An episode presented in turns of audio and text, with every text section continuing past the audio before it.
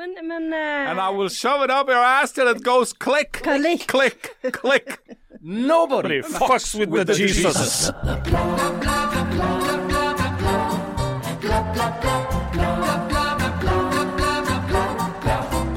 Vi har to og et halvt år på oss for å unngå at klimaet går aldeles åt skogen. Hva passer vel bedre da enn at Norge lager en ny oljeplattform som sprekker med ca. 100 000 milliarder millioner kroner, men som er lønnsom likevel. Dessuten ekteskapsråd, litt om media, Janne sine andakter og en bursdag. Hurra!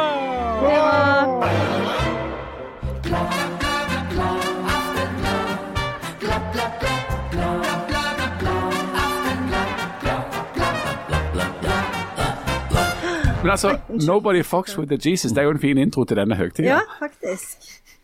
En sommer shabbat. Hjertelig velkommen til Aftenbladet. Harald Birkevold, tryneknuseren fra Kiellandsmyra.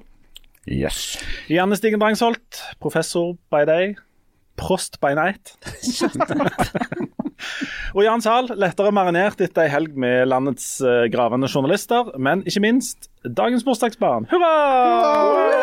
Gratulerer med dagen. Hurra for deg som fyller ditt år. Deg vil vi gratulere. Hei, vi kan ikke ta hele. Hvor gammel blir du? Jeg tipper 60. 42. 42. Det er det som er svaret på det store spørsmålet om livet i universet og hele driten. Og det, og det er sånn jeg føler meg på en dag som dette. Men du har eh, bursdag på ekte når vi spiller dette. Men jeg, jeg har bursdag på ekte, og jeg blir 53. Hvordan foregår bursdager hjemme hos dere? De foregår etter et ritual der tre medlemmer av familien med fire, og en halv hvis du regner med eh, bikkja, den hjernedøde kjøteren. Gjør du det? Nei. nei. Um, de tre andre som ikke har bursdag, de lister seg tilsynelatende ut av Eller altså, de lister seg så stilt på tå, og så har de funnet et eller annet med mye sukker i som de har stappet et lys oppi. Så tenner de det, og så går de inn, og så vekker de den fjerde som da har bursdag, med hurra for deg som fyller ditt år. Det som jo er noe av kunsten hvis du er en voksen mann, eller en voksen dame, det er jo at dette er veldig mye lating som. Sånn at det, er veldig viktig at den som ligger der for eksempel, og fyller år, later som vedkommende sover, f.eks. For du har selvfølgelig vært våken siden i firedraget. Jeg har vært våken i timevis. Jeg sover, ikke mer enn jeg må. Så, men jeg, jeg spiller overraska, eh, og, så, får jeg, så har de håndtegnet noen kort i søte små med hjertet på, og eh, påstår at jeg er snill. det, Det er dagen for de nokså store løgner. dette. Ja, det er akkurat det. sant? Men, men det er jo det som er med bursdag. sant? Det, Glad i deg, pappa. Ja. Du er snill.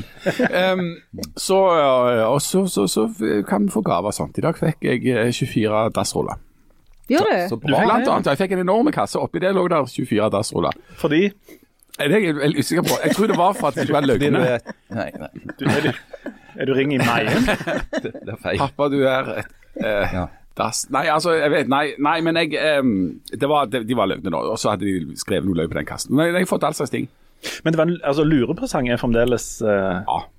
Litt, det, det pleide ikke å være, så det, var, det satte jeg litt ekstra pris på. For da, da hadde de gjort seg litt ekstra føre. Og jeg hørte de i går nede i kjelleren at de hadde stor glede av eh, At de drev og, og, og hadde enorm glede. Og, det, og som dere vet, den største glede en kan ha, det er å gjøre andre glad. Og de hadde enorm glede av å gjøre meg glad. Er, er dette Jeg vet ikke helt hva jeg skal si til dette. Altså, er- dere, blir- dere blir målløse, men det er fordi jeg er løsning og svar på alt i dag. Du er jo på en måte det. Men er dette første gang noen av oss har hatt bursdag på direkten, på en måte? Ja, jeg tror det. Jeg tror det. Jeg tror ikke vi har feirt eh, bursdag før. Nei. Men, men har, du, har du et eh, varmt og godt forhold til dette med bursdag, eller er det sånn eh, angst og Nei, det har jeg et, et, et avslappet og godt forhold til. Akkurat. Altså, jeg, jeg syns det er eh, Altså ja, ja. eh, Altså, OK. Altså, En må på en måte bare akseptere at eh, det, tida går.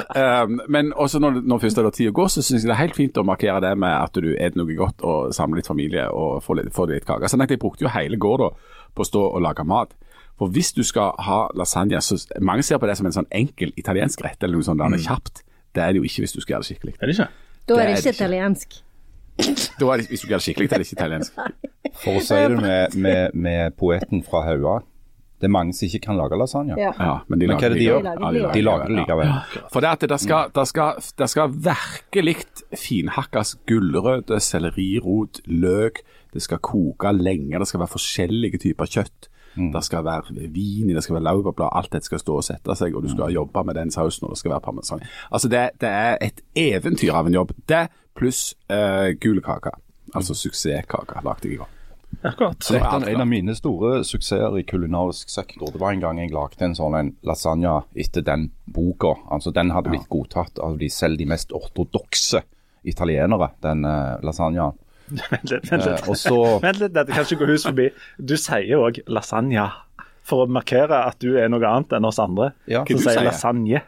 Det heter jo ikke det. Det jo ikke det. Men uh, uansett, så, så satte jeg den Vi skulle ha den senere, og, og det som mange vet, da, det er jo at lasagne er bedre når den blir varmt opp.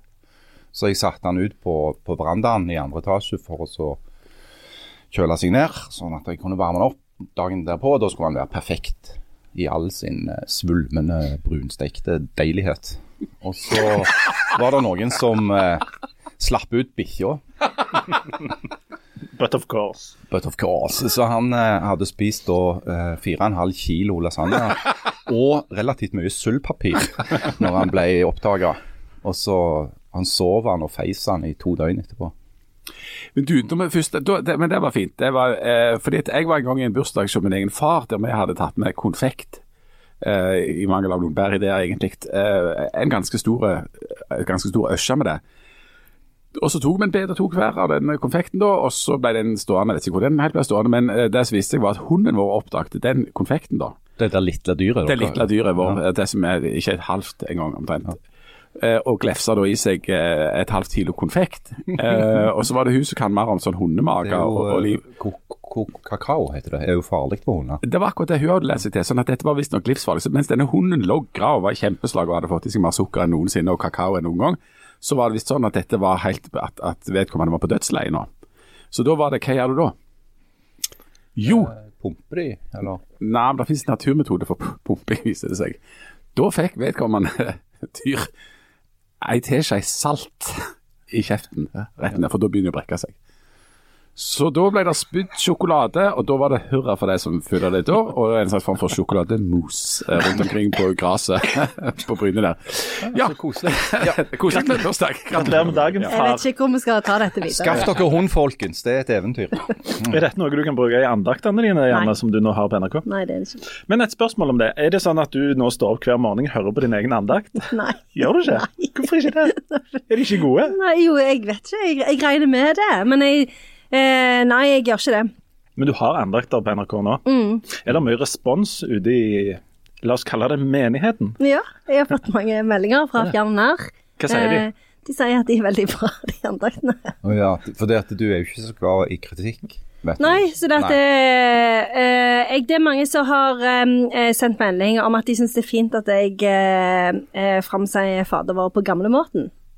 Og ikke den der Vår far. Mm, jeg liker ikke den. Du kjører det på latin, du. På gamlemåten. Ja. Eller på gresk. Nei, jeg tar den 1974-versjonen. Som jo er den beste versjonen. Er det alltid sånn når du framsier den? Jeg, jeg, jeg følte framsier var et riktig ord. Ja, helt riktig. Ja. Jeg tror- jeg Altså, det er jo den ordet 74-modellen som alle har lært, Ja. som er så gamle som oss og har gått på skolen. Ja. Jeg kan den jo selvfølgelig ennå. Det så, uh, Kan det være. men den andre er veldig Jeg syns den, den andre glir ikke så bra. Det er noe med eh, I framseiinga? Ja, det er noe med ordstillingen som ikke fungerer. Så eh, den snubler jeg eh, over. Eh, så det fungerer ikke. Men du får meg ikke til å si den. For Jo. jeg, nei, jeg syns ikke det er riktig at folk jo, ikke tror på eh, Gud, skal si fram den. Det Jeg tror ikke det er noe sånn, de det er ikke noen sånn regel at du må tro på Gud for å si det. Nei, men jeg føler det føles bare litt dumt. Jeg kan jo hele Terje Vigen utenat, men jeg føler ikke det er riktig av meg å si den høyt, fordi at jeg tror ikke på det norske Tror ikke på Terje Vigen? Nei, jeg tror ikke på den norsk-danske unionen lenger. Å nei. Ellers så skulle jeg gjerne gjort nei, det, men, altså, eh, den blokadepolitikken i 1828 Jeg er imot du den. tror ikke på den? Så jeg kan ikke Nei. framsi sånne, Nei, nei, jeg sånne den. dikt. Ja. Ja. Jeg leste en interessant kronikk om akkurat det med Terje Vigen og 1828 og blokaden og sånt nå i forbindelse med Ukraina. Um, altså, Hvorfor i all verden skulle han ro til Danmark for å skaffe korn? Hvorfor reiste han ikke ut og bare fiskte noe fisk? Havet var jo fullt av mat rett ut forbi, lenge før det kom noe. Det er jo ikke alle, ja, det jo ikke alle som liker fisk. Det er jo veldig, også Særlig fisk i gamle dager. Veldig slitsomt å spise. og Masse sånn små bein sånn. Var det Så- mer Var det bein i fisken før? Ja, før? når du spiser fisk nå, det er jo ikke et bein å se. Kan du kjøpe en torskefilet og, og bare kose deg i hæl? Men, men før så var det jo Så hadde de ikke loin. Nei, det var ikke en loin i sikte. Hadde ikke de sånn pakker med salma og sånne greier? Eh, Ingenting? Men, men Nei, det var alltid Det var jo Husker dere ikke hvor fælt det var? Og laksen veldig ekkel og fettete, for han var jo rød Vill, han, det var var villaks. Ja, jeg vet det. Det var ikke den der deilige som de har Eh, hatt i oppdrettsanlegg. Havets pølse. Jeg vet det, men, men det er jo Men konsistensen er forskjellig. Men du, poenget, jeg leste også den kronikken, den var ganske god. Litt av poenget der var at Norge er en sånn eh, Vi, vi kan være nokså sjølberga på mat, blant annet. Men det kommer an på hvilken. Vi er ikke sjølberga på f.eks. avokado og Nei. ananas og den type ting. Men Da hvis, går det jo ikke. da går det ikke. Nei, for vi kan ikke ha Hvis vi skal spise fisk, så vil vi spise sushi, og da må vi ha ris og avokado. Ja, for I gamle dager så var det jo sånn at de åt jo f.eks. ikke sånn ufisk som steinbit og breiflabb og sånne ting. Eh, og makrell åt de vel heller ikke, Nei. eh, og ikke krabbe iallfall. Makrell har jeg hørt at var tyskere, at det var døde tyskere på havets bånd som ble spist av makrellen, og derfor kunne du ikke spise makrellen. Er dette vanlig? Ja. Det er jo havets Altså, måke. da går jo en sånn, altså Makrell er jo en åtselfisk. Han spiser uh, en del åtsler. Uh, men det er ikke utelukkende tyske. Han diskriminerer ikke makrellen. Makrellen er ikke en rasistisk fisk. Ikke i det hele tatt. Akkurat. Om det er sånn at du blir hva du spiser. Nei, jeg tror ikke det. Jeg tror det er en myte. Du, Det tror jeg òg. Og du uttaler det vel òg makrella. Ti stilt med deg. Makrell, sier jeg. Makrella. Vi er vekk på makk. Men det betyr at hvis det blir matmangel i Norge, så var altså forslaget i den eh, kronikken at vi begynner å ete noe av det som er ute i havet. For det er masse der. Og det er jo løye når det kommer folk fra landet som har gitt oss lasagnaen, eh, eller fransk, men noe sånt, og går ned i fjøra rundt i, i Norge, så, driver, så sier de wow, alt dere er. Så driver, begynner de å plukke sånne der rolls. Eh, altså små krabber og noe skjell og noe, noe all slags ting eh, som de lager mat av. Ja, Det er jo det veldig det- godt med sånn frityrstekte småkrabber. Men hvor ofte lager du det? Nei, aldri. Kjøper de jo, kjøper de jo Nei, men det måtte vi jo lagd om, måtte du funnet ut hvordan du skulle lage det. Men det er jo veldig godt å kjøpe av folk som har lagd det. Jeg òg leste den artikkelen, altså. Jeg har ikke lest den Og jeg tenkte jo hvis noen lurer. Eh, nei, så det, det er jo det at Vi har jo så enormt mye mat i havet ut forbi den norske kysten som vi kunne spist. Hvorfor skal vi være så opptatt av å ha beredskap, herregud, beredskapslager for korn eh, når vi kan spise fisk i stedet? Eh, det er et slags poeng i det. Men det er jo òg et faktum at hvis du skal leve av det du finner på stranden, eh, så har du ikke tid til å ha jobb, for å si det sånn. Da må du gjøre det.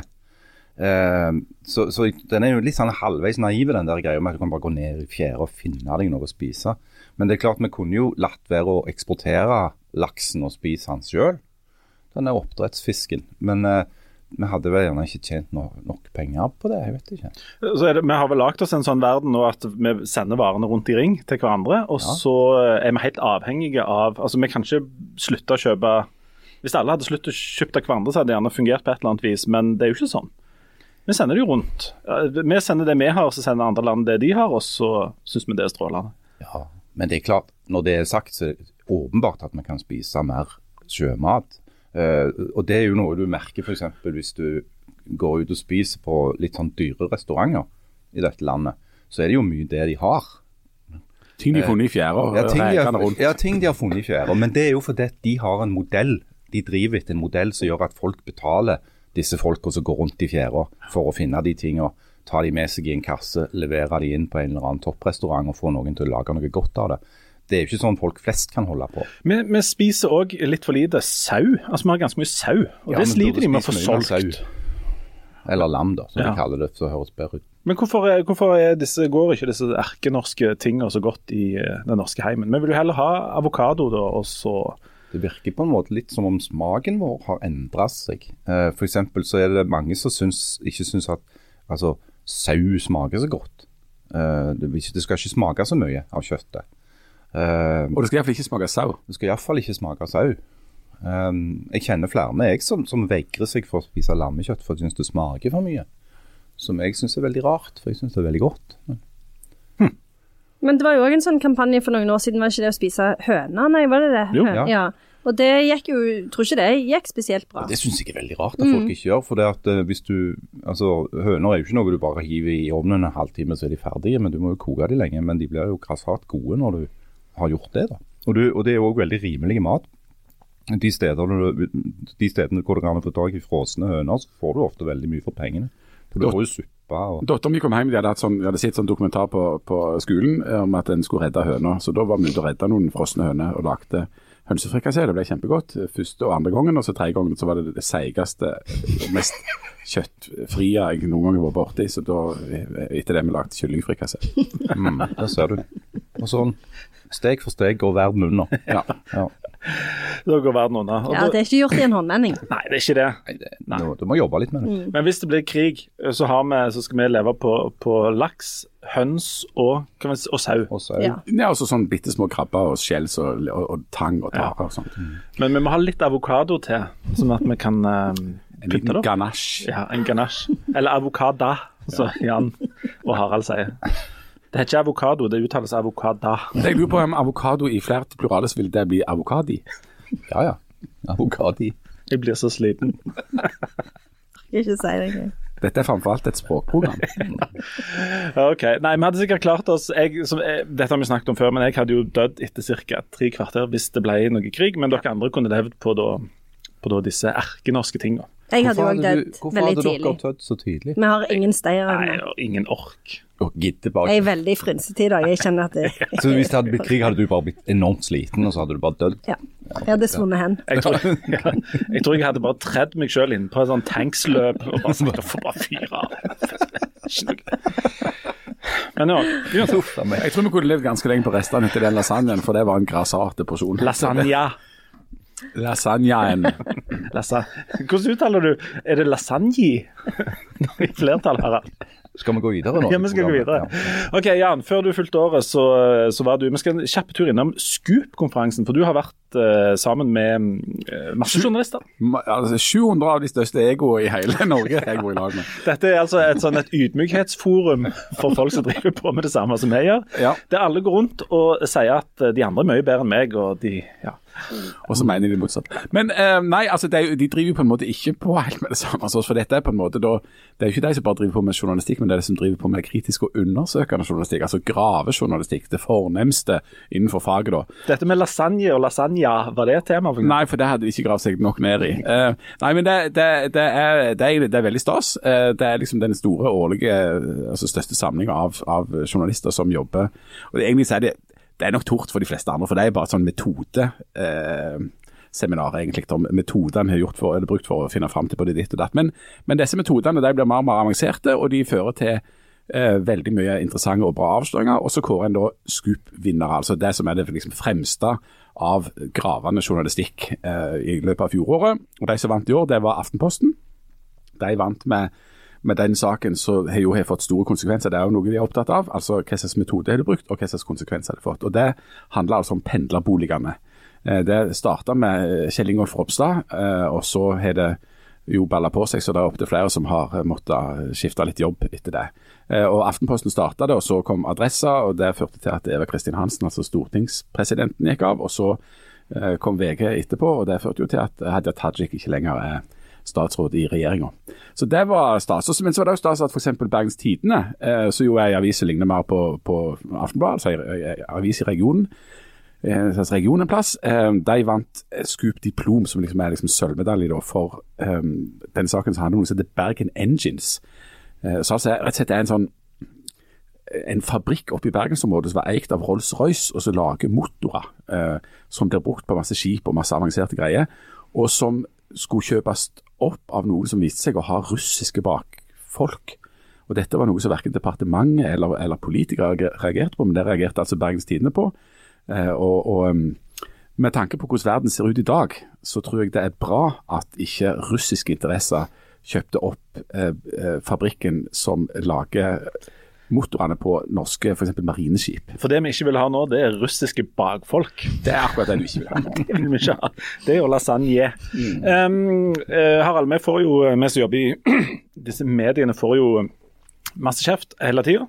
Og 99 av det er jo helt riktig, og, og kanskje for mildt. Men uh, denne, disse, denne Scoop-konferansen viser jo òg noe av det, de bra tingene som blir gjort i norske medier. Og Nå var jo ikke du til, til stede der, men det er en del av disse sakene som viser det vi liker å trekke fram i festtalene, at uh, hvis ikke vi, eller noen, hvis ikke noen kolleger Ikke vi, altså det, men hvis, noen, hvis ikke vi hadde hatt flinke kolleger, for å si det sånn, som hadde gjort disse tingene, så er det ganske mye som ikke hadde kommet fram.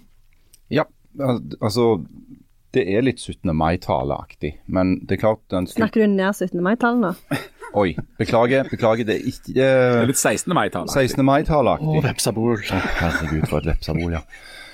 Eh, men noen av de avsløringene som pressen har gjort, eh, både i, i fjor, da, som ble premiert i år, og i årene før, har jo Altså, de fungerer som en demonstrasjon på at pressen, en frie presse, kritisk uavhengig presse, har en viktig rolle i demokratiet. Fordi at det er sånn at det, det er saker som aldri vi ville fått vite om, eh, hvis det ikke hadde vært for at det var noen stae journalister og redaktører en, en eller annen plass som bestemte seg for at dette skulle de til bunns i. Du kan f.eks. tenke deg at eh, det aldri hadde blitt noe snakk om disse pendlerboligene på Stortinget og stortingsrepresentanters eh, misbruk av de eh, tillitsbaserte ordningen som de har hatt, f.eks. Eh, Bergen Engines kunne hatt utenlandske eiere nå, som da viste seg eh, i etter, eh, etterkant var russiske oligarker. Så det er klart at dette viser at pressen har en funksjon. Og det viser òg at det er et poeng med at pressen sin uavhengighet er til og med hjemla i den norske grunnloven. For det at dette er en form for et kontrollapparat eh, i demokratiet på gode dager. Og der er det jo en veldig tydelig eh, situasjon akkurat nå da, borte i, i Russland. Dette var jo noe som ble diskutert mye på, på Scoop da. Altså at noe av det første, noe av det viktigste en diktator eller en autoritær leder går løs på, det er nettopp den frie pressen. Og i Russland for tida nå så eksisterer det ikke frie presse. Altså den siste som var uavhengige, Novaya, Novaja Gazeta, ikke den heter? Ja, Hvem spør Harald hvordan det uttales, for det er antageligvis uh... Ja, men som, som, som fikk Nobels fredspris nå, de måtte jo gi seg fordi at de hadde fått eh, etter seg dette ø- overvåkningsorganet som, hadde, som mente de hadde gjort en feil. Novaya Gazeta er jo en av mange Gazeti. Ja.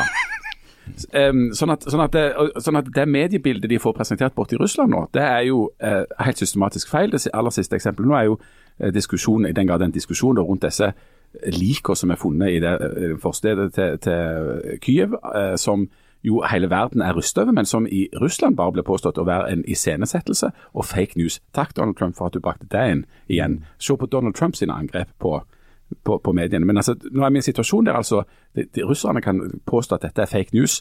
Eh, og, um, mens, mens, mens andre medier da har jobbet masse med dette, snakket jeg nå om på Scoop, hvordan verifiserer du at bilder og videoer faktisk er reelle og sanne? Det er jo en utfordring for oss nå. eh, Både for mediene og ikke minst i sosiale medier. Det det er jo en enorm propagandakrig. Hvordan vet du at det du ser faktisk er sant? Det var et eksempel på det fra, fra denne her eh, forferdelige eh, avdekkingen av alle disse likene utenfor eh, Kyiv. Så kom jo selvfølgelig umiddelbart den vanlige reaksjonen fra Russland. Eh, der russerne rett og slett bare benekter det alle kan se med sine egne øyne. Eh, og at de gikk videre og sa at dette er iscenesatt, som Jan sier, av, av ukrainske propagandister. Eh, og Da har du et eksempel på pressen, da, mediene, som gjør en jobb. Eh, New York Times var det i dette tilfellet. De bestilte rett og slett overvåkingsbilder fra satellitter over Ukraina. Eh, Sammenligna de eh, dag for dag, og fant ut at de døde kroppene som lå i den gata, hadde ligget der i minst tre uker, men ikke i mer enn fire. Altså hadde de havna der i den perioden hvor russerne hadde kontroll i byen. Eh, det høres banalt og enkelt ut, men noen må faktisk komme på å gjøre den jobben. Eh, Sånn at i noen tilfeller så kan eh, kritiske uavhengige medier òg være med og sikres at sannheten kommer fram. da. Sannheten som noen ønsker å holde skjult. Og Du nevnte at dette i, i Norge står det i Grunnloven at vi skal ha, ha dette. Ja. Og, og Grunnloven er jo ditt eh, område Janne, etter 17. mai-talene. Kommer du til å bruke mye tid på å skryte av Si f.eks. meg og Janne Harald i, i din 17. mai, dine 17. mai-taler, unnskyld. Mm, ja. Kanskje i den ene. Kanskje i den ene. Men som, eh, som, eh, som uh, verdensborger og sånt, er, du, er dette noe du går rundt og tenker på hver dag? Jeg står opp morgenen så sier du Fader vår, jeg er glad vi har en god presse, og så tar du resten av Fader vår etterpå. Eh, ja, den gamle. Ja, Den gamle Ja. 74. Eh, jeg syns jo at Jeg syns det er litt interessant, faktisk, fordi at sånn så eh, Rundt eh, eh, presidentvalget i USA og rundt eh, coviden, så føltes det som som plutselig alle var spesialister på alle ting, og det var litt sånn mye støy. Mens nå, eh, nå når eh, det har blitt krig i Europa, så føles det enormt viktig å ha, eh, å ha gode journalister, og jeg syns at, at eh, journalistene gjør en helt utrolig viktig og god jobb. Tusen takk, Som dette er er sagt som en av folket. som en av folket. Mm. Ja, men det er bra. Vi, vi er jo veldig glad for at du sa akkurat det. Tusen hjertelig takk At du framsa det. at du framsa det. ja. Å, herlighet, den ene tingen som jeg sa. Ja, Det var helt rett. du framsa. Det var helt rett. Harald ville nok uttalt det på en annen måte. Hvordan ville du uttalt framsa? Akkurat. seg egentlig framsa, eksempel? Framsa. Nei, nei, jeg har ikke noen innsigelser til den uttalen. Nå blir Janne veldig sliten, Ja. og det er din feil. ja, unnskyld. Vi må ta en liten uh, pause. Det er òg litt Jan sin Ja. feil. Vi må ta en liten pause, sånn at, eh, at Janne får hvilt seg litt. Ja, Jeg òg fyller året snart. gjør du det? Mm, neste uke. Vi tar en liten pause, eller som Harald ville sagt, en pause. Eh, så er vi øyeblikk tilbake.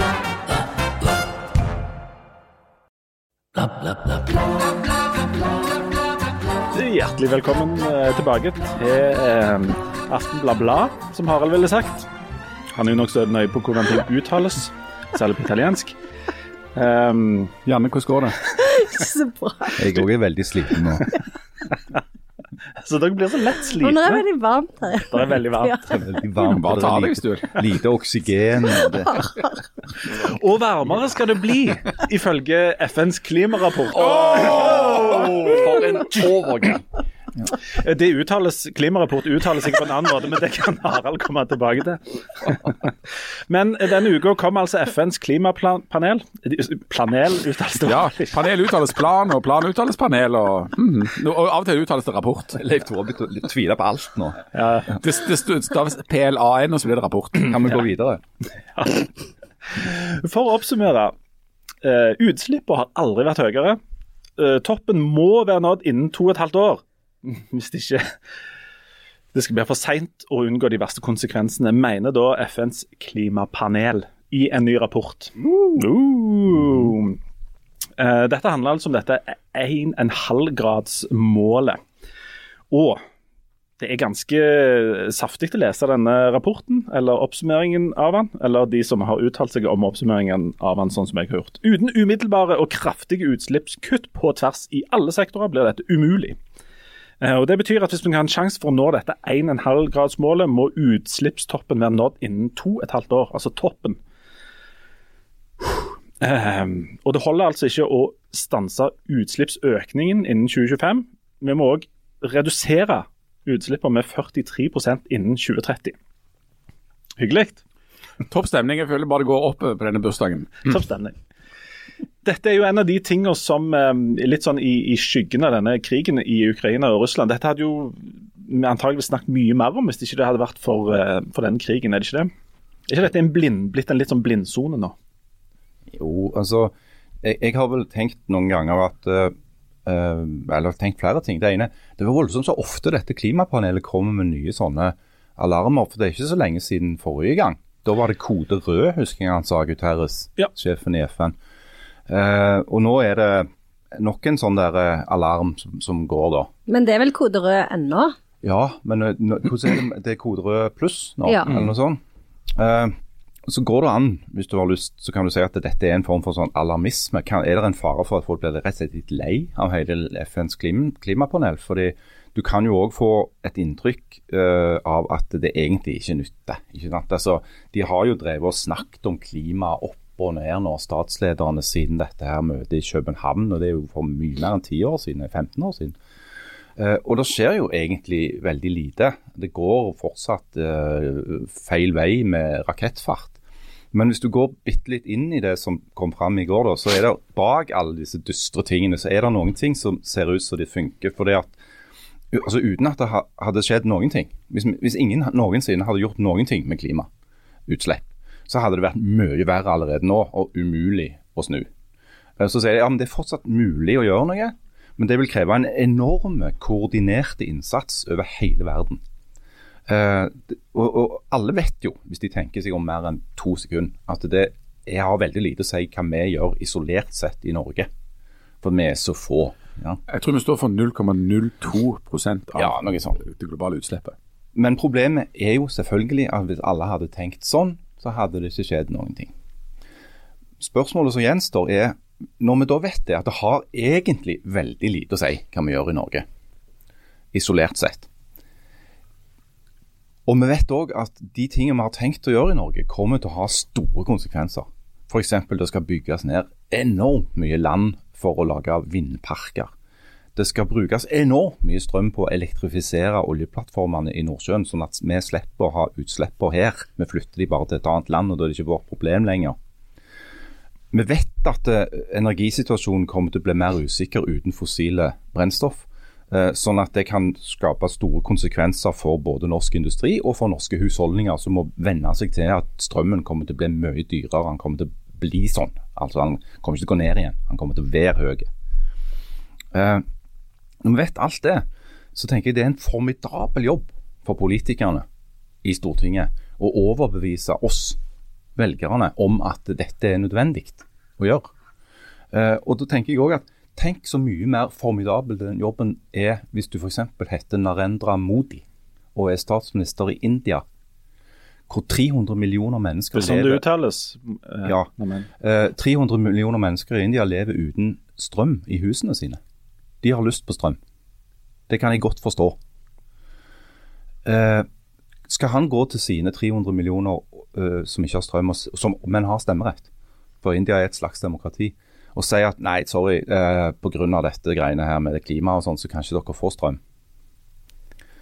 Ja, ja, Du kan jo fort bli nokså pessimistisk Ja, når du tenker på det på den måten. Ja, og i fall og når du ser på liksom, verdenskartet og ser hvor utslippene er, som sagt altså Norge 0,02 Europa, altså EU jeg husker ikke prosent, men det er sånn 5% eller noe sånt. som dette. er. Men så ser du kartet på hvordan det ser ut i USA, som står for helt elleville mengder. Kina helt elleville mengder. Altså, hvis det ikke skjer noe i, i, i sånne svære land, som, som er de som er de store øh, Virkelig liksom, de som slipper ut masse, så kan det lett bli noe fatalistisk. Ja, Det er jo veldig interessant å bare se på liksom det med flytrafikk i USA. Hvor enormt mange fly Altså det med at eh, flytrafikken stansa i Europa i coviden hadde jo nesten ingenting å si. For det er så enormt mange fly som går til- fram og tilbake over det amerikanske Det er til enhver tid mer mennesker i lufta over USA enn det er innbyggere i Wyoming. Og det er jo ganske bra. Det er en ganske grei fun fact. og så er det jo sånn at Disse utslippene kommer jo uh, stort sett fra plasser vi, ikke kan direkte kontrollere. F.eks. Kina og India. Vi har jo foreløpig ikke full kontroll over de to landene. Selv om vi jobber med saken. Jeg, det, det jeg prøver å si, da, det er at du, altså hvis du er optim, eller pessimist, heter det, det er det motsatte av optimist, Mm. Sånn, Mm. så kan du tenke at vi kan komme i en situasjon hvor Norge foretar en masse grep for å gjøre noe med klima som både fucker opp norsk natur og gjør alt mye dyrere, uten at det nytter noen ting. Vi redder ikke klimaet likevel. Og det, og det er nok får vi på en måte i pose og sekk på Ja. den feil måten, da. Ja, og det, og det er en betraktning òg politikere vil gjøre, som skal prøve å bli gjenvalgt og som skal prøve å styre et land. For du blir ikke heller nødvendigvis så himla populær da. Altså Hvis du både får enormt dyr strøm, bygger ned hele naturen, det virker omtrent ikke i det hele tatt, så er det en ganske god sjanse for at det kan skape noe sosiale uro, og at det ikke er en sånn popularitetskonkurranse. Men er ikke, er ikke Norge og rike land sitt ansvar i dette å prøve å lage til en type samfunn som har mye lavere utslipp, for å vise andre hvordan dette kan Altså Vi kan jo ikke overlate liksom, utviklingen av dette til f.eks. Kina eller India, eh, for de har ikke råd til det. sånn per akkurat nå. Kina har råd til det. Ja, ja, det kan du vel på en måte si. Men samtidig har Kina òg en stor utfordring er at nå har de skapt en svær middelklasse i Kina. Eh, hva tror du kommer til å skje med makthaverne i Kina hvis den middelklassen begynner å få mindre penger? Så jeg tenker det er klart at det er en mo- moralske forpliktelse som hviler på oss som forbruker mest og som har hø... Eh, og det ligger òg en forpliktelse på liberale demokratier eh, til å gå, gå foran og vise vei. At det er faktisk en vilje til å gjøre noe med dette her, og tenke på neste generasjon og neste generasjon osv. Men i praksis eh, er jeg litt mer i tvil. For det at, Se på f.eks. det norske Stortinget. Der, det består av, av liksom velmenende politikere fra forskjellige partier som sier, alle sammen omtrent, at de er veldig opptatt av dette. Og så kommer FN ut, Gutieres så sent som i går, sa vi må slutte å produsere olje og gass nå. Altså helst i går, men iallfall i dag. Det norske Stortinget har tenkt å ignorere Guterres på det punktet. Og sånn er det i land etter land. For det at eh, Nei, men det kan vi jo ikke gjøre. Ja. Eh, Jo, sier han, det er det dere må gjøre. Nei, men det, nei, det blir å gå for langt. Og da, Jeg har et spørsmål på akkurat det. og det er jo altså vi, så kan jeg bare snakke for meg selv, men jeg klarer jo ikke å tenke lenger fram enn til i morgen, kanskje litt inn i påsken. Det er min eh, lengste horisont. Og, og for, å løse, for å løse klimaproblemet så må vi jo tenke en, to, tre generasjoner fram.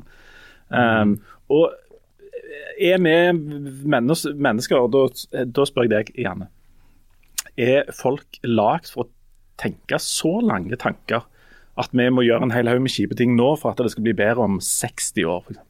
Nei, jeg tror ikke det. Og så er det jo òg veldig slitsomt, og da snakker jeg bare på vegne av meg sjøl som menneske, at eh, vi får så mye informasjon hele tida. For du er jo egentlig ikke lagd til å kunne ta inn over deg informasjon utover akkurat det lille eh, delen av verden som du bor i. Så når vi får hele tida informasjon om plastikk i havet på den andre sida av verden og føler at vi må forholde oss til det, så får du jo bare en sånn en type angst som, eh, du, som gjør at du blir helt sånn nummen og ikke klarer å gjøre noen ting. Men, men litt sånn Jan 14 år. Men, eh, men, men, men poenget er vel at eh, du At det er noen som sitter og Altså, det er vel teknologien en tenker, at det er teknologiske løsninger som skal komme av dette. Og de som sitter og jobber med teknologien, de jobber jo med jobben sin, så de tenker jo på en måte på lange løsninger, men de jobber jo kanskje først og fremst med å løse de problemene som har her og nå. Men, men sånn så, det virker jo som en kjempegod idé å være med i EU f.eks. nå, syns jeg. For, det, for det, det er jo nettopp det sånn som Harald sier, at du, du har politikere som har veldig sånn lokale interesser, og her må vi jo tenke globalt. Så, det, så da må det jo kanskje være en del av en større enhet for at vi blir tvinget fram sånne harde løsninger. Det er en positiv ting i denne, denne rapporten, og det vil jo glede dagens sportsdagsbarn eh, stort. og Det er at eh, den, den positive tingen er kapitalismen. Selvsagt kapitalismen ordner opp i alt. Fordi at eh, Altså, den positive tingen er at prisen på lavutslippsteknologi har stupt um, siden 2010. Altså Det er mye mye billigere å produsere og lage eh, vind og, og solkraft og alle disse tingene her. Så da er det vel bare å gjøre som Jan alltid har satsa på, nemlig lene seg bak og la kapitalismen og, Men- men- og la men- men- Ballongen men- gå, på en måte. Ja, og la ballongen gå. Men, men, der er, er et eh, poeng der. Altså, eh, jeg kan snakke mye om marked og, og kapitalisme og sånt, men, men jeg tror hvis en skal være realistiske, så vil ikke dette uh, energispørsmålet løse seg helt før det er lønnsomt at det løser seg. Altså, Hvis du klarer å lage energiløsninger som er miljøvennlige, som utkonkurrerer de fossile, så dør jo de fossile rett og slett av, av den grunn. Men da må det være mange nok eh, på en måte forbrukere og, og stater og bedrifter og sånt som, som ser dette, og som altså da, mer bevisst, eller, eller fordi at det er økonomisk lønnsomt, bruker den typen teknologi. Og Det er, det er jo en gledelig ting da, at på ti år så har kostnaden for en del av denne energien liksom blitt redusert til 10 av det det var for ti år siden. Og I dette selskapet så bidrar jo Norge enormt, både med eh, løsninger på eh, ny energi, og ikke minst å holde kostnadene nede, som Aftenbladet har skrevet om eh, denne Martin Linge-plattformen. som jo er et eksempel til etterfølgelse, er det ikke det? Eh, Jo, det er perfekt. Det er jo, de, de, eh, pengene renner jo bare inn i dette prosjektet nå. og, det er, ja. og energien som kommer derifra, er eh, norsk grønn olje. eller Det er sånn gass. grønn olje, ja. Det er olje, olje for klima. Dette er et sånn sakskompleks som er kjempestort og komplisert, og som uh, våre Vi har jo noen flinke kolleger òg, det er ikke bare oss, som har skrevet masse om. og det, De sakene bør dere lese. Men for å få en liten forsmak, så tenkte jeg at dine tre kjedelige minutter, men viktige minutter, Harald, skal handle om uh, Martin Linge. Og da snakker vi ikke om en, motstandsmannen. Mm, det er Ja. ikke han. Nei. Nei. Men vi snakker om det norske bidraget til å løse klima, uh, holde prisen nede på klimaløsningene. Ja. Det jeg er spent på nå, er hva slags sjanger den jinglen skal være. Ja, det var det jeg òg lurte på. Det, jeg syns det skal være litt sånn Friskus-aktig Filmavisen-greier.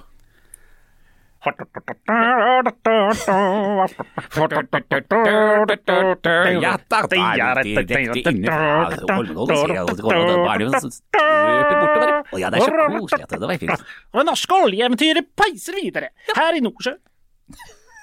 Er du veldig sliten, Janne? Du, du var ikke med på jinglen. Jeg skjønte ingenting okay, av, men av altså, fordi, briefen eh, noen- dere La meg begynne nå, så blir vi ferdige med dette. Altså, Martin Linge er et olje- og gassfelt. Uttales det sånn, eller er det Martin Linge? Egentlig så er det Linge, men jeg tenkte for, for, for dere så kan jeg bare være Linge. Uh, det er et olje- og gassfelt som ligger i Nordsjøen, vest for Bergen. Um, det er. Ja, litt under 200 km vest for Bergen ute i havet ligger Martin Linge-feltet. Det ble oppdaget allerede på uh, 1970-tallet. Uh, den gangen så ble det ansett for å være så komplisert å, å, å utvinne pga. at det ligger veldig dypt og høyt trykk og høy temperatur og vanskelig, at det ble lagt på is. og Så ble disse planene henta fram igjen når vi fikk bedre teknologi som gjorde at det var kommersielt interessant. Um, det inneholder eh, ganske mye olje og gass. 250 millioner oljeekvivalenter. Er det mye, det? Ja, det er altså fra Ja, det er ganske mye. Um, men så ble det da levert en plan for uh, utbygging av dette feltet i 2012. Uh, den gangen så var det uh, selskapene Total og Teknip, to franske oljeselskaper, som sto bak dette, hadde hånd om prosjektet. De fikk det ikke til helt, da. Uh, det viste seg at det ble veldig dyrt, og kostnadene eksploderte. og Dette skulle bygges på et verft, en plattform i Sør-Korea, så sleit med kvaliteten. og etter hvert år så tok eh, Ja, der, før jeg sier det, så er det viktig også at dette var et av de første feltene i Nordsjøen som ble bygd ut med strøm fra land, eh, som nå er jo også blitt det store som skal gjøres. Eh, I dag er det Equinor, gamle gode Statoil, som jeg fortsatt kaller det, som eier 70% og resten er den, det er oss, faktisk, deg og meg, eh, gjennom selskapet Petoro. Det norske stats eh, eierselskap for olje. Um, det ble fem år forsinka. det ble nesten 32 milliarder kroner dyrere enn planlagt. Er det mye, det? Det er jo litt, men nå pga. Eh, sånne ting som oljeprisen og krig i Ukraina, sånn, så er jo det så lønnsomt at det kommer til å være nedbetalt allerede et år etter at det åpna. Og det ble starta produksjon fra dette feltet i juni i fjor. Um, Så det er gladsak. Ja, det, altså, det er vel et eksempel på at uh, selv det mest elendige prosjektet uh, kan bli lønnsomt hvis bare oljeprisen går i været. Men du, hvordan kan det ha seg at, eh, at sånn oljegreier sånn kan sprekke med 32 milliarder, og så er det litt sånn Mæ, men det, vi går jo Altså, hvis, si at f.eks. Nav eller et eller annet hadde brukt opp 32 milliarder bare på sånn åh, det ble noe dyrere enn vi hadde tenkt dette. Altså, det er, jo Er det sånn frikort det i oljebransjen Det er mange eksempler på at oljeprosjekter har blitt mye dyrere enn planlagt. Eh, men allikevel har vist seg å være en velsignelse. da. Eh, mange som er litt gamle, vil jo huske denne her eh, skandalen med Mongstad-utbyggingen, som da fikk eh, kosta en, en eh, jobben til, til mange ledere i olje, og du fikk det der uttrykket 'en mong'. Eh, jeg husker ikke helt i farten hvor mye en mong var. Det er ikke så mye. En fi, to milliard, fire milliarder. Ja, det var noe sånt. Under Eh, ti. Men, men Mongstad ble jo òg veldig raskt et lønnsomt prosjekt, for det Norge hadde jo veldig behov for et oljeraffinerianlegg som, som det. da. Um, så du kan vel si at, at noen ganger så blir en jo redda av gongongen eh, ved at f.eks. oljeprisen stiger. da. Eller så kan det være at du har vært smart i utgangspunktet. Du har designa et prosjekt for å være lønnsomt selv om oljeprisen er ganske lav. Så da er jo alt over et visst nivå er jo ren bonus for de som investerer. Og Nå er det, ikke bare, det ikke bare oljeutbygginger som sprekker i budsjettet. Det gjør jo veier og rådhus og stupetårn på Hamar, Ja. eh, der det er en litt mer uklar inntjening. Men det er en viktig ting å si om, om særlig om hvorfor noen prosjekter i olja eh, blir veldig dyre. Eh, det kan nok òg skyldes at vi har en veldig spesiell form for eh, økonomisk modell for den norske oljeindustrien. Eh, oljeselskapene får dekka mye av sine utgifter til å lete etter olje og, og forberede utbygginger av oss, av staten. De får skrive det av. Staten tar en del av den regninga. Til gjengjeld så tar staten 78% skatt hvis dette funnet blir lønnsomt. Det er en slags avtale som vi, altså staten, oss, har inngått med oljeselskapene. Vi er med å finansiere deres leiding og utviklingskostnader mot at vi får enormt mye igjen hvis dette blir lønnsomt.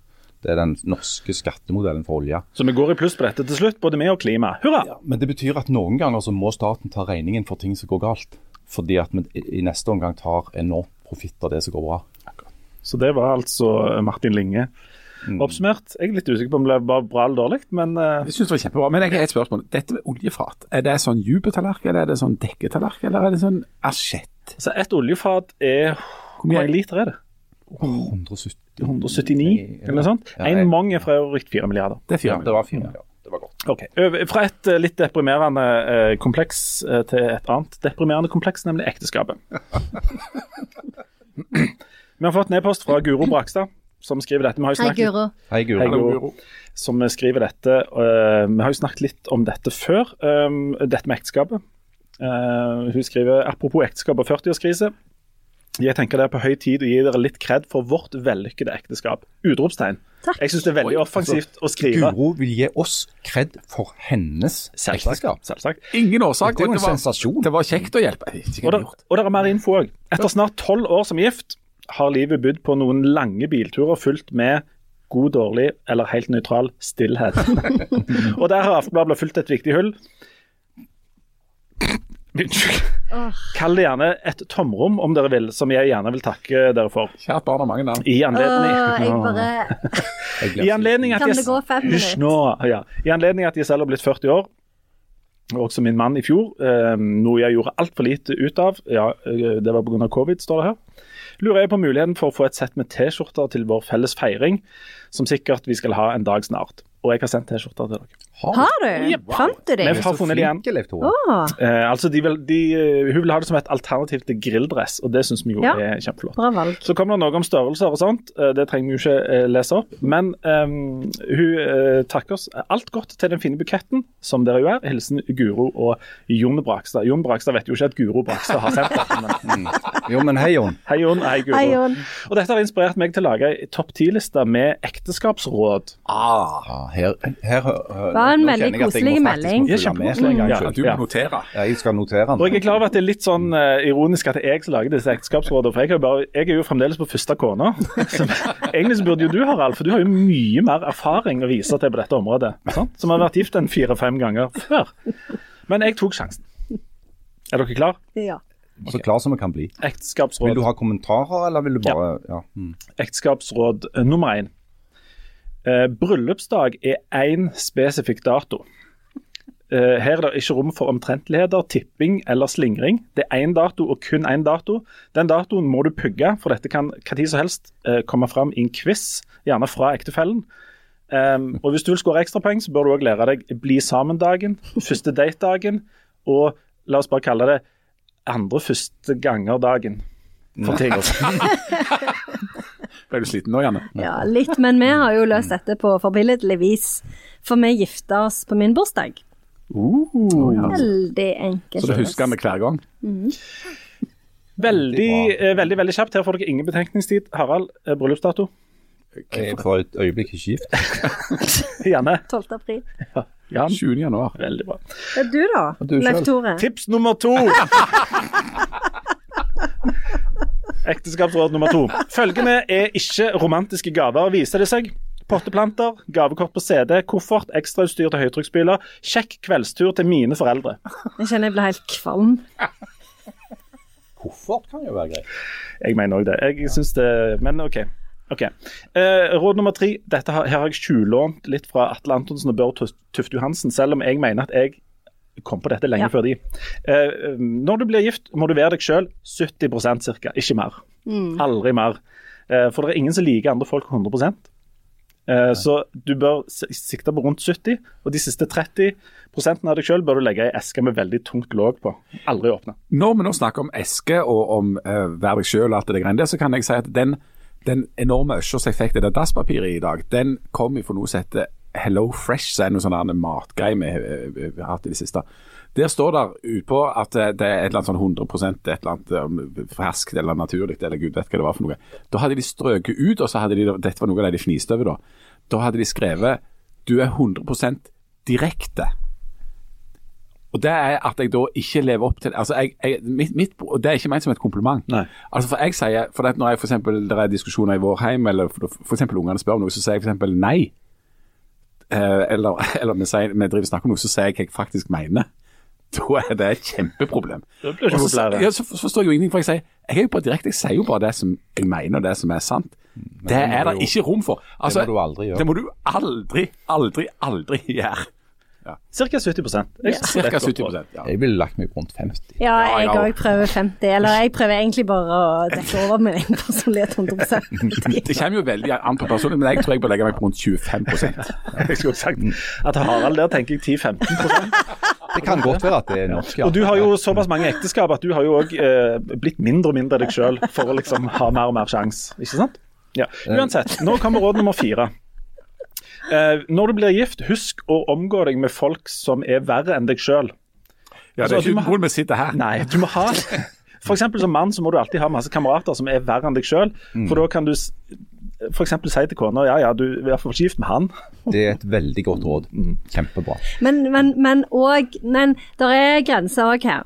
Fordi at det for eksempel eh, er det viktig å Altså det må være folk som lukker døren når de går på do og sånn. Ja, Så, så at det der er grenser. Det er en balanse der òg. det er en balanse. Eh, og det er det definitivt i råd nummer fem. Og her vil jeg bare påpeke at dette er ikke av egen erfaring, men dette er ting jeg har hørt fra andre. Og Nå kan det være at du blir litt sliten igjen, men, og dette er ikke et familieprogram som jeg kjører på. Råd nummer fem. Hvis det skal bedrives såkalt dirty talk, så bør det øves på dette på forhånd. Jeg har selvfølgelig ingen erfaring med dette sjøl, men jeg har hørt dette av en venn. Og hvis dette skulle ønske skulle komme litt bardust på, så er det greit å ha tenkt gjennom det. Fordi at eh, du kan risikere å si sånne ting som jeg har ikke dusjet på tre-fire dager. Ja, det er jo dirty talk. Ja, tror, det kan du gjerne tro. Men så viser det seg, har jeg hørt, at det er ikke det det siktes til. Nei, nettopp. Um, Jeg bare hopper rett over på neste råd. jeg. Jeg har datt av nå. Ja. Eh, Råd nummer seks. si. Eh, tysk er ikke et av kjærlighetens fem språk. Eh, og Det henger litt sammen med punkt nummer fem, men sånne for eksempel, sånn, tyske preposisjoner kan høres veldig sånn erotisk ut inni eget hode. Altså, men når de kommer ut, så er ikke det sikkert at det er Sånn oppskriften. Sånn auf hinter in Litt sånn aktige greier. Det kan jo være ganske erotisk, det. Det høres ut som den tyske Kamasutra. Ja, men, mann, gummikavalier. Men det er liksom Erotikk for deg er med Darth Vader-stemme. Nei, dette har jeg hørt ifra andre. Eh, jeg vet ingenting om dette. Altså, Den tyske kammersutra er an auf hinterin neben ny bunter for zwischen. Ja. Det. Hvis jeg hadde vært sammen med ei som hadde bedt meg om å snakke med Darth Vader-stemme, så hadde det jo blitt litt sånn I am your father. Det blir helt feil. Ut det høres ut som en blanding av tung astma og Nei, Haben Sie Pass, mein Lieber. Punkt nummer sju henger også litt, henger litt sammen med de forrige punktene. Men um, altså alle tror jo at alle andre har et voldsomt aktivt uh, kjærlighetsliv og, og liv på, på den måten, og sånn er det jo ikke. sant? Så det, Der handler det om å skru ned forventningene, sånn som hos oss. Der er vi sånn at Hvis vi får til en gang om morgenen en gang om kvelden, så er vi fornøyde. Du trenger ikke mer. og du, Det der at alle andre holder på mye mer, det er ikke nødvendigvis sant. Nei. Skru ned forventningene. Skru ned. Skru ned. Skru ned. Uh, nummer åtte. Eh, det Ha generelt lave forventninger til livet og andre folk. Det er mer sånn generelt aldri livsråd. Det blir jo Det positivt. er jo, Det positivt. det er jo faktisk eh, Ja, nå er vi over på livet. Ja, og hvis, for eksempel, hvis kona mi hadde hatt noen forventninger til meg på noe som helst område, så hadde hun blitt enormt skuffa hele tida. Så det handler bare om å gå- inn på et lavt nivå og holde seg der. holde seg der, ja. Og, og, og ha lave forventninger til andre. Uh, og Da kan du komme i sånne situasjoner der ektefellen sier 'Å, du tok av deg skoene når du kom inn i dag'. Så koselig. Så flink du var. Ok, Nummer ni. Ha f så få felles interesser som mulig. Altså Hold det tett absolutt Ja, Sånn du ikke trenger å treffes så ofte, eller? Det er akkurat det. For du kommer til å treffes nok. Du, du treffes om morgenen. Nå er jeg så vondt i nakken. Jeg er veldig sliten nå. Ja. Men og, og altså Min teori er da at det er mindre arbeid å f.eks. trives med å spise middag sammen, noe du uansett må gjøre, enn å begynne med sånn rosemaling og salsakurs og, og sånn tysk kamasutra-opplegg og sånt. Og finn, finn noe som du uansett må gjøre, og trives med det. Aus bei, mi, aus bei mit nach Fonsu, det er et slags tillegg til Kamasutra på tysk. Det er Aus. som styrer dativ. Aus, aus har bei mit gegen? Nybar, midt nach Seifonso. Ja, og alle, ja, ja. Råd nummer ti. Det siste. Ikke ta råd fra åpenbart ukvalifiserte folk som meg. Jeg er jo fremdeles første kone, som sagt, eh, så jeg kan jo veldig lite om dette. Hvis det er noen som lurer på noen litt mer sånn avanserte ting, så kan de bare sende meg en mail. Ja. Litt mer avanserte ting. innenfor tysk grammatikk. Ja. Nå ble jeg òg sliten. For der er det ingen grense for hva som kan styre hva. Både innenfor nominativ og akkusativ. Nei, nei, nei. nei, nei, nei, nei, nei, nei, nei, nei. Ablativ. Dette var jo ei, ei, ei luke i adventskalenderen en aldri burde åpne opp. Og ikke snakke om imperativ når du begynner med det. Hvis dere vil ha kontakt med oss, så når dere oss på eh, bladblad.aftenblad.no. Mm. Uh, hold det innen rimelighetens og sømmelighetens grenser. Men det er er ikke et familieprogram, så Nei, bare det ikke kjør på. Men er det eh, noen som vil tilføye noen ekteskapelige råd før vi gir oss? Ja, Bare den Darth Vader-stemmen. Det- det- Ja. Hvis alt annet svikter, så prøv å snakke med henne med sånn Darth Vader-stemme, så se om ikke det hjelper. ja jeg syns at det er viktig at alle gjør en innsats. Fordi nå er det jo snart påske. Eh, eh, Folk tror kanskje at påskeferien eh, blir hyggelig av seg sjøl. Det gjør han ikke. Ja, har du det er tante Sofie igjen. Det er akkurat det samme greiene som nå. Hvordan blir han hyggelig, da? Alle må gjøre en innsats. Alle må slutte å være direkte, sånn som Jan. Og være hyggelige og høflige og positive i stedet. Det er ikke noe uhyggelig i å være direkte, det er jo bare å være ærlige. Men du kan skru deg sjøl ned litt, Ja. og så la andre slippe til. Ja, det kan du. Nå skal jeg skru dere andre Jeg blir veldig sliten av sånne positive folk. Som skal lyge i tillegg. Ja, Hvis, de hvis, eksempel, liker, hvis, smiler og liker. ja, hvis svaret på spørsmålet er nei, skal du da si ja bare for å virke positive? Ja. Det er jo sånn okay, faktisk det, det er med en del damer. Det, det, du må tolke Og dette vet jo du en del om. ja Ja. om de faktisk Aha, mener nei. ja. Men Det er ikke eh, mer, mye bedre å bare si nei. det er jo ikke bare damer. Jo, Det er jo er mennesker generelt. Jeg, ja, er jeg er mennesker veldig negativ til dette her med eh, synet på kvinner som noe sånn komplisert som ingen klarer å forstå. Synet på kvinner? Ja, med å liksom er jo- sånn at det, det et- med kvinner At det er så vanskelig å forholde seg til de, for ingen vet hva de holder Nei, på nå blir jeg med. veldig og- Ja, men det er jo bare en faktaopplysning. Det er jo ikke, noe, det er ikke et synspunkt. Det er Eh, en Har det gått en time? Nå har det gått en Ja. time. Nå må vi gi oss. Uh, og så snakkes vi uh, midt mellom uh, palmesøndag og eh, oppstandelsen. Men nå tror jeg vi gir oss. OK?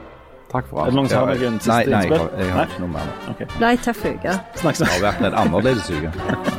på alle vis. Ha det! Ha det. Farvel.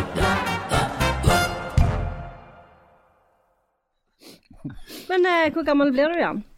Nå blir jeg 42. 42, ja. Mhm. Det er jo det som er løsningen på alle ting. Så Det er det, og det er sånn, Det jeg føler, bra. det er sånn jeg føler meg. Ja. Jeg føler meg rett og slett som løsningen på, på alle ting. Så det er litt bra. Det er, Du har det, har det fint. det er bra, men det er òg et veldig, veldig stort ansvar Ja, det det. som jeg føler på. Ja. Men nå, husk nå, nå skal vi snakke om dette. There's no way to get them back to the farm once they've met Carl Hungers. Jeg er glad jeg, dette, Du er glad, ja. Ja, jeg er glad. Jeg Det var jo fra den flotte filmen 'Logjamming' med kona til Lebowski og han der eh, Peter Stormare i rollen som Carl Hungers, the cable repair guy. I heard there's something wrong with your cables. I am here to fix it. Eh, Mor mi skrev forresten eh, hovedoppgave om kumulative vendinger i tysk.